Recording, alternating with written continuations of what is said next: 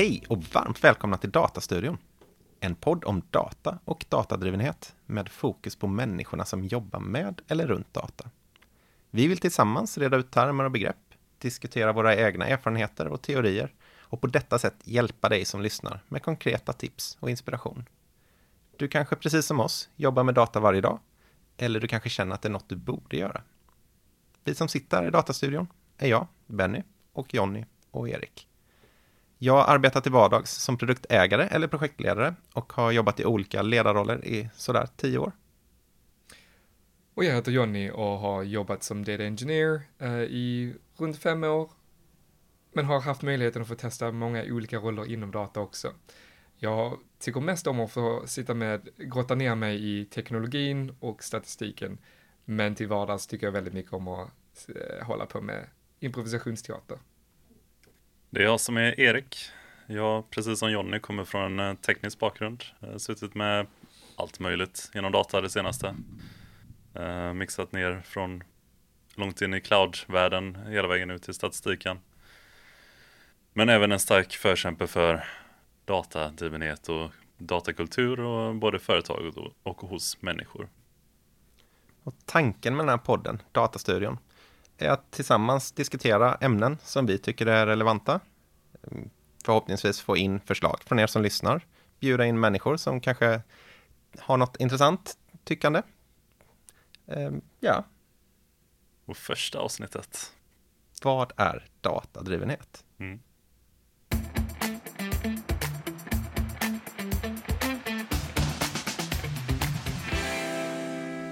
Vi börjar direkt. Ja, datadrivenhet, det, det, finns många olika sätt att definiera det på. Uh, och alla har väl lite olika definitioner, men vi... Det finns en, en motpol till det här där eh, folk säger eh, att man följer datan och låter datan berätta allting vad man ska göra. Och det är kanske inte det rätta sättet att se på det enligt mig. Jag tror att det viktiga bakom datadrivenheten är människorna som bestämmer, givet datan det handlar inte om att datan eh, berättar vad man ska säga, eftersom att datan eh, behöver kontexten för att, kunna, för att man ska kunna göra någonting utav det. Jag håller med dig där. Det, om man tittar på trenderna på Google så är uttrycket datadrivenhet någonting som funnits väldigt länge.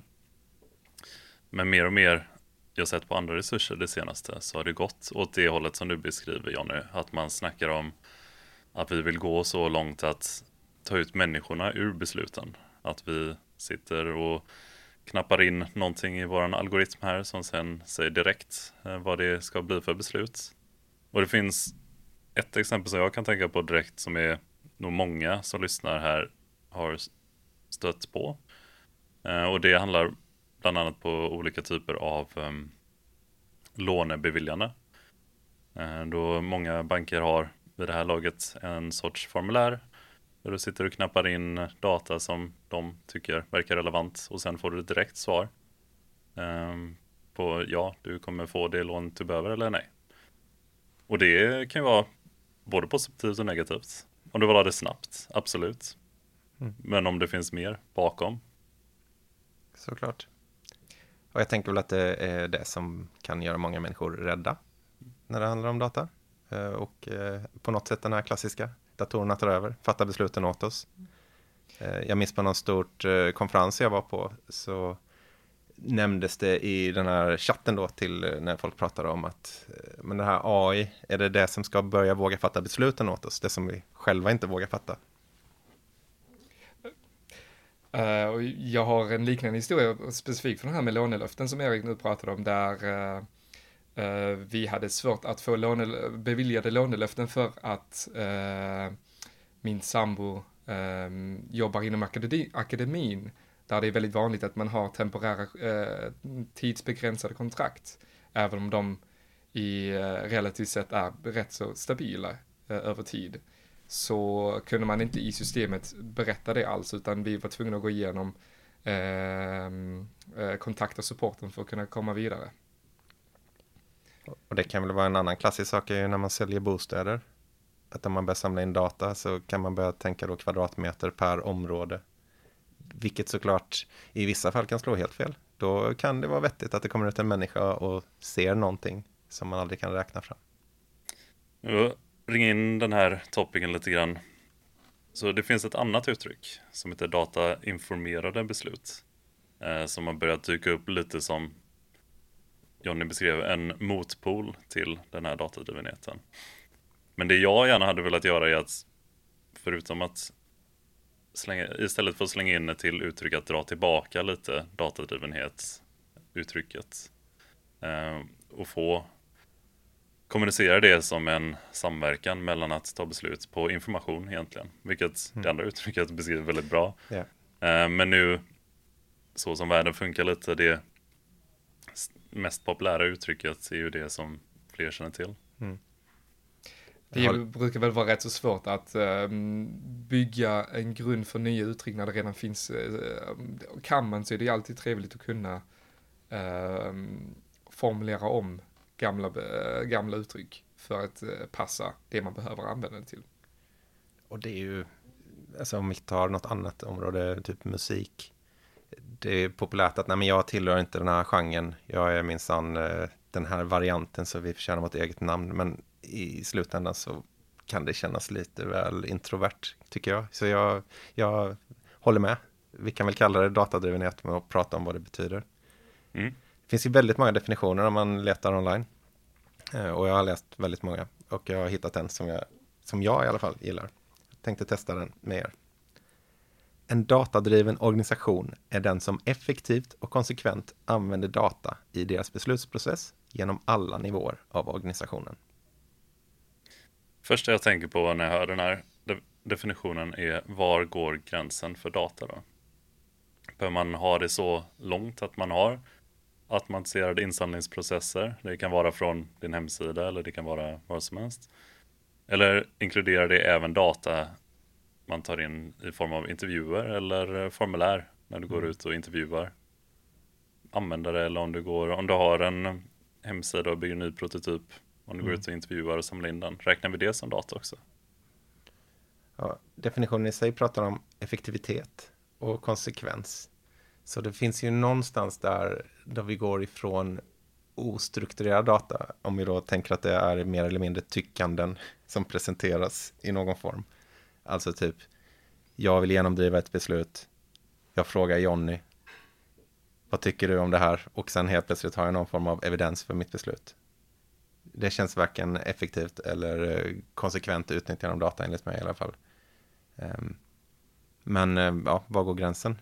Jag tänker att eh, om man har en uttalad tanke med att man använder data så, så, så, är det upp till organisationen skulle jag säga. Ja, alltså jag, jag skulle väl nog säga att det, det finns, det, det, finns ingen, alltså allting skulle kunna ses som data, det finns nog ingen gräns för vad som räknas som data eller inte. Det, det som är viktigt är om man anser att den data man har samlat in och det man baserar sina beslut på faktiskt um, representerar det man försöker göra beslut på. Till exempel, om jag skulle behöva ta, ta beslut huruvida jag behöver, vill investera i en viss teknologi, då kanske, det inte, då kanske det räcker med att jag frågar en expert inom det för att jag litar på den här personen. Eller så skulle jag kunna samla in vad, vilka andra företag som liknar mitt, eh, mitt business case, eh, hur de har gjort det. Eh, allt det här kan ses som data, det är bara i olika former av det. Det viktiga är bara att man, man anser att man har ett, ett, en grund till besluten man vill ta. Mm. Sen skulle jag då vilja säga att det behövs nog någonting så att man inte bara kan, för, för det finns ju alltid någon grund till beslut. Och man har nästan alltid någon form av expert någonstans. Så att man är ute på liksom en farlig, ja, på gräns, gränsen där då. Eh, sen håller jag ju med i praktiken såklart. Man kan inte starta igång ett stort maskineri för varje beslut. Eller kan man det? Det tror jag inte. Ja, ja, nej, alltså att behöva starta upp, eh, behöva samla in ny data för varje litet beslut man vill ta är väl inte särskilt uh, hållbart. Men det här med uh, att alla har, sin, har någon form av grund och någon form av expertutlåtande av något slag. Det, problemen, eller det finns ju olika kvaliteter av data, men det finns också uh, ifrågasättande. Uh, alltså, om jag är övertygad om en viss data Eh, ett visst datasätt, betyder inte det att alla mina andra kollegor skulle bli över, eh, övertygade av det. Så det där, det viktiga är att man har en, ett så pass bra dataunderlag så att alla andra i gruppen och alla andra som påverkas av beslutet också är övertygade. Mm. Det, någon gång tidigare så sa, snackade du om åsiktsutjämnare, Johnny. Det tyckte jag om som en bra beskrivning på den här för, för att sammanfatta varför det är så bra med data i en organisation. Kan du förklara mer? Ja, tanken där var att det är väldigt lätt att eh, i en hierarki i, inom en organisation att eh, det är de som sitter högre upp i organisationen som får ta beslut och får bestämma vad som är rätt och fel att göra. Eh, men när man har data och behöver grunda sina beslut och, och backa upp så kan alla andra ifrågasätta huruvida det beslutet faktiskt eh, passar in givet den grunden man har. Eh, och därmed plattar man ut den här hierarkin där det inte bara är de som längst upp som får eh, göra beslut utan även de som är längre ner i hierarkin har möjligheten att ifrågasätta och även komma med sin egen data, sin egen tolkning av datan eh, som leder till ett, kanske ett bättre beslut. Det håller jag helt med om i alla fall. Det är inte bara det att um, man tar bort flaskhalsar i form av beslutstagande, utan det är även att förhoppningsvis i alla fall, ju fler ögon man får på ett beslut, desto större sannolikhet är det att det är korrekt. Det gör också ett skydd för de som faktiskt tar besluten att eh, de har någonting de kan gå tillbaka om det visar sig att det här beslutet inte ledde till vad man hoppades på. Så kan man i alla fall gå tillbaka och säga, men jag hade i alla fall rätt grund till att tro att det här skulle vara rätt beslut. Så det skyddar, skyddar också de som gör, tar besluten. Vi kan alla komma överens om att, ja, det här kanske inte var det resultat vi hoppades på, men vi kan komma överens om att det var rätt beslut givet eh, de grunderna vi hade. Där har jag ju varit i situationer där folk kanske är mer rädda för att vi fattar ett felaktigt beslut på grund av att vi bygger den på felaktig data. Medan där jag kan tycka det är skönt att tänka på alternativet då, att det känns det tryggare att fatta det i blindo. För att om vi på något sätt har någon form av eh, struktur kring att vi vill, vi bygger det på den här datan, vi är transparenta med det. Jag kan dela med alla, det här är anledningen till att jag vill göra. Jag har sett att så här många användare gör, har det här beteendet, de trycker på den här knappen. Så jag har någon sorts grund till min nästa funktion. Snarare än att jag själv tror att det här är nästa steg på min webbsida. Skulle vilja vända lite på det du sa i slutet där. För någonting som, det är ofta det första många tänker på, att jag behöver grund för att kunna ta det här beslutet. Mm. Men det andra hållet att se på databeslut är att vända på det istället. Att jag vet inte om det här är rätt beslut, men jag testar. Mm. Så jag lägger ut det och ser om vi fick den påverkan vi förväntade oss. Sen kan jag gå tillbaka och ta bort den nya knappen som jag la till i min mm. hemsida. Eller om det var att jag tog bort eh, första framsidebilden eller bytte ut framsidebilden eller vad som helst. Mm. Och se vad det får för effekt. Börja med målet. Börja med målet, precis. Ja, och det är väl en, ett, ett intressant sätt att se på det också, för man kan ju se det som att det vi har tidigare pratat om handlar mycket om att vara eftertänksam före man gör sitt beslut. Men det kan också vara att man ibland inte vet vad man vill göra och därmed testar sig fram och iterativt försöker hitta det rätta eh, beslutet genom att göra små beslut, lära sig av misstagen, samla in datan så att man vet vad man har gjort och vad det har lett till och därmed sakta men säkert jobbar man sig mot det bästa, om man kan säga det så. Mm.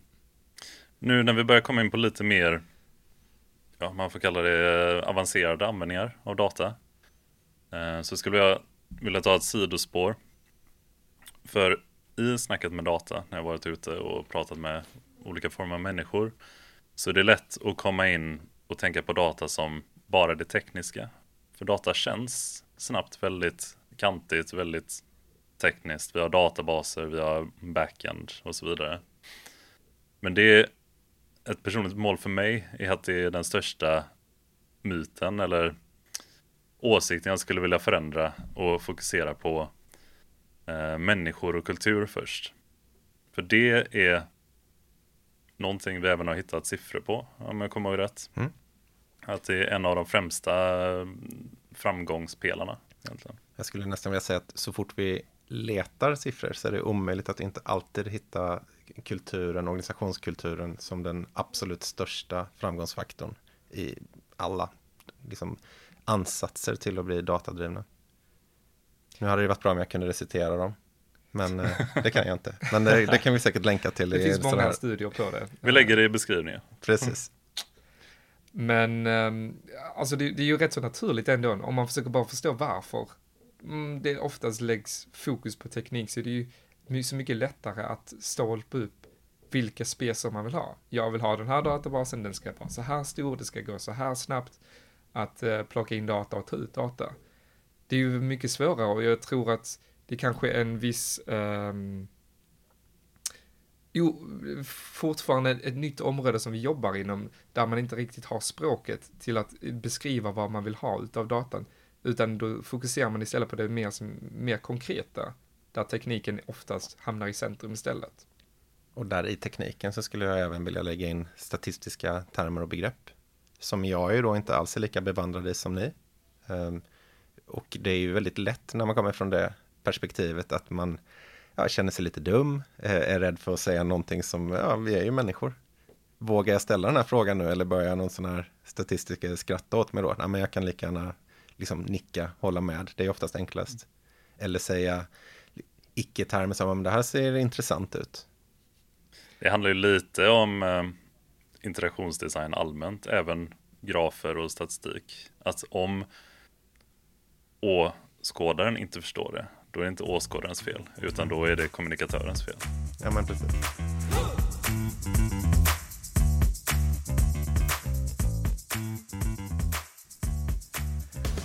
För att sammanfatta det här så skulle jag väl säga att vi tycker att det är kulturen och människorna som är det viktiga i en datadriven kultur, eller organisation. Inte tekniken som är lättare att definiera. En av effekterna blir ju också att eh, åsiktshierarkin blir utjämnad där alla har rätt till att eh, kunna tycka utifrån datan. Mm. Framförallt samma bas. Precis, precis. Men hur är det man genomför en sån här transformation så att man når till det här, eh, det här kulturarbetet? Är det någonting man gör från ovanför ner eller botten upp? Först och främst från toppen, enligt mig. Eh, Det är väldigt svårt när det kommer till, i och med hur mycket vi snackar om hur det är en organisation och kulturförändring, så är det väldigt svårt att få igenom sånt utan att ha stöd i toppen. Sen, ja, jag tror många har erfarit någon form av större organisationsförändring. När man går ut med sånt genom ett Big Bang så är det ofta att det smäller på fel sätt. Stora förändringar är svårt. Mm. Ehm, Så då istället i all typ av förändring i organisation är det bra att försöka hitta mindre exempel man kan genomföra det eh, för att sedan använda som framgångshistorier. Och det är ju lite speciellt det här med datadrivenhet för som vi också nämnt innan handlar det ju om att ja, inte bara visa på framgång utan att på ett enkelt sätt visa vad som inte var framgångsfullt. Um. Det kan vara lite känsligt. Um, Man börjar hålla människor ansvariga då kanske. Eh, Och återigen, då handlar det om kulturen. Eh, när vi, jag tänker när vi pratar om små exempel så kan man ta ett väldigt litet exempel. Eh, Tidigare i mitt liv så min första eh, ledarposition så fick jag ta över ett gäng butiker. Och de butikerna sålde spel. Och när jag började så var allting helt analogt. Och de hade funnits länge och var liksom framgångsrika. Men eh, om sättet man gjorde var helt enkelt att man eh, har en eh, grym, eh, åtminstone enligt egen utsago, inköpare. Och den inköparen är gud på inköp och köper in vad den tycker är bra. Och sen säljs det grejer. Och när jag kom in så såklart, då börjar man kolla på saker som lagervärde. Hur mycket har vi av olika saker? Enligt mig då så såg det ut som rätt mycket grejer. Och för att någonstans inom den här lilla organisationen, då har vi ju högsta buy-in från ledarskapet, för det var jag som var ledare och jag ville börja mäta det här. Så det första vi var tvungna att göra var ju då att skapa data genom att digitalisera det hela. Vi hade ju såklart kunnat göra det manuellt också, men eh, det är tillräckligt stort för att det inte skulle vara ett alternativ. Så vi digitaliserade hela lager och eh, point of sale, alltså försäljningssystemet. Så vi kunde börja följa upp på vad har vi i lager och vad säljer. Och då kunde man ju redan där börja ställa frågor kring inköpen och eh, konsekvensen av inköpen. Det vill säga, du har köpt in tio sådana här, jag ser tio kvar i vårt lager. Det verkade vara ett dåligt inköp. Och det, då har vi en annan typ av diskussion än om man diskuterar det här är ett jättebra spel och jag har köpt in många av det och vi har sålt mycket av det och det finns absolut ingen chans att följa upp på det. Och nästa steg i det här var ju då att försöka, men okej, okay, vi ser att vi gör lite misstag i våra inköp. Hur kan vi göra dem bättre? Vad har vi för sätt att samla in belägg för våra inköp idag? Och hur, ja, hittills har vi då inte följt upp dem. Ja, då kanske vi ska sluta gå på den här magkänslan hos den eh, jätteduktiga inköparen. Eh, men på något sätt hitta fler datakällor och inom spel så finns det en jättestor sajt. Så tiotusentals människor sätter recensioner. Ja, då kan vi använda det som en ingång. Börja experimentera lite med vad säger den datan oss kring hur, ett, hur populärt ett spel kommer vara här. Justera inköpen men hela tiden ha en naturlig eh, självklar uppföljning i att ja, sälja det här spelet sen. Och det här låter inte som att det hände över en natt.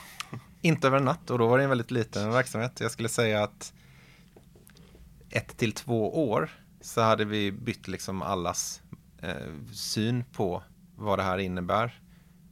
Men det var väldigt spännande att följa liksom hur diskussionerna gick ifrån början kring faktiskt rena påståenden som att det här är en bra produkt, den här säljer bra.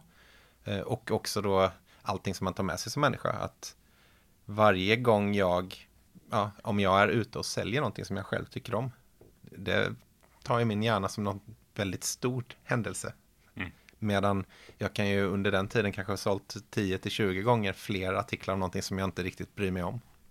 Och det bryr inte sig heller då min hjärna så mycket om och så glömmer jag det. Men det blir väldigt, väldigt tydligt när man börjar mäta. Och en liten parallell här till, för det blir väldigt stor negativ effekt när det är fysiska produkter. Mm. Få slut på plats helt enkelt. Det blir väldigt uppenbart för alla att eh, det är svårt att förklara bort varför det står 300 av någonting på ett lager och tar plats och dessutom är osäljbart. Och jämför vi då med digitala produkter så är det framförallt om eh, ledarskapet inte sitter och bygger de digitala produkterna så är det lätt att känna att lägga till någonting inte stör. Mm. Men det är ju, även om det inte har lika direkt påverkan, så kan det fortfarande få en påverkan. Om man jämför om man har en eh, hemsida för e-handel och så sitter vi och funderar på att lägga till en möjlighet att eh, spara sina saker till en önskelista som är populärt bland många sajter. Det kan kännas som en eh, harmlös addition. Men om den inte används och den ligger där och vi alltid måste ta hänsyn till den i framtiden. Så fort vi lägger till en knapp någonstans så kanske vi måste ha önskelisteknappen bredvid. Det blir på samma sätt en direkt effekt, mm. även om inte lika märkbar som att vi har ingen mer plats. Precis. Det är ju någonting man, eh, man kan kalla design space istället. Att man får slut på hur mycket ytor man kan designa på. Men det är ju inte bara designen av nya features, men det är också um, att underhålla den här featuren, att se till så att den fortsätter fungera inte någonting som kommer gratis heller. Och det är ju, för att dra tillbaka till det jag snackade om tidigare med ett misslyckat exempel som är också lyckat. Så om vi istället hade vänt på det och om vi inte, om vi kanske vill lägga till den här önskelistesaken. Um, ehm, så börjar vi med att titta på beslutet och vad vi kan grunda beslutet i. Kanske vi kan hitta att användare frekvent går tillbaka till samma typ av produkter och alltid behöver leta sig fram. Gött, vi har någon sorts bas till vårt beslut. Sen nästa och det viktigaste steget är att um, ha någon sorts success eller framgångsmätningspunkt. Målbild. Målbild. Kanske. Men en- hård siffra Ja. är det jag letar efter. Mm. Mhm. Ehm, och sen lägger vi till den och sen kollar vi på vår hårda siffra och ser om det blev som vi förväntade oss eller inte. Och en aktivitet man kan göra där i, eh, som för att komma fram till det här framgångsmedeltalet, eller målbilden, ju tänka efter vad är det för förändring man vill uppnå med eh, den här eh, additionen av till exempel önskelistan i det här fallet. Vad hoppas man egentligen på att det ska ha hänt? Det är ju inte en självklarhet att för det första att kunderna kommer använda det på det sättet som man vill att de ska använda, men, men om man har tänkt, för, tänkt efter före så har man i alla fall en tanke om vad man hoppades uppnå och därmed också veta när man uppnått det. Har du något exempel på vad man skulle kunna vilja uppnå med en önskelista? Ett väldigt enkelt exempel är bara att veta att de har köpt mer, men det är också, det kan ju vara till exempel att folk köper större mängder för att de kan lättare samman, vad heter det, sätta in grejer i en önskelista innan de köper det, Mm. för att man bara vill utforska. Och kanske till och med börja med att man använder den. Mm, precis. Och kanske ha någon målbild kring hur många av mina användare ska använda den här för att den ska få bo på min hemsida. Och det är ju någonting som eh, när man kommer från produktperspektivet att ta bort en funktionalitet är ju bland det svåraste man kan göra om inte det absolut svåraste. För det kommer ju alltid finnas någon som tycker att den här önskelistan är världens bästa idé. Och att övertyga den personen om varför den här önskelistan ska försvinna kan vara jättekostsamt. Eh, och då är det ju ett otroligt stort hjälpmedel om man från början har sagt, nej men vi kommer ju tillsammans överens om att en bra önskelista hos oss, den ska användas så här ofta. Varannan dag av var tredje användare. Då är vi nöjda. Och det gör ni ju inte, så att vi är ju inte nöjda. Så därför måste den ju tyvärr ryka. Mm, och det är ju, det är ju inte ens oftast någon annan. Det kan ju vara den som utvecklar och den som satte igång och har jobbat med produkten som oftast är svårast att, över, att övertala. Mm. Det är ju, är ju oftast en själv. Precis. Så du vill hjälpa dig själv att bygga dina egna barriärer? Precis. Och sen har du fått då kanske en produktägare som har sanktionerat det här. Och på, har liksom kärat ner sig lika mycket och då är vi i samma båt och, och ror i världens bästa önskelisteland. Eh, om vi då inte har tänkt på framgången från början. Eh, då kanske vi gläds jättemycket av den användare som finns och vi fokuserar på att öka den. Vilket ju inte är fel. Men vi kanske börjar i fel ände om det användandet är så försumbart och vi kan göra så mycket bättre saker av vår tid. Och det är den stora parallellen. Att nu märker vi inte på samma effekt att oj, vi har för mycket att ta hand om. Som i din spelbutik. Precis. Precis. Men det blir egentligen i bakgrunden precis samma effekt. Mm. Vi börjar få slut på design space.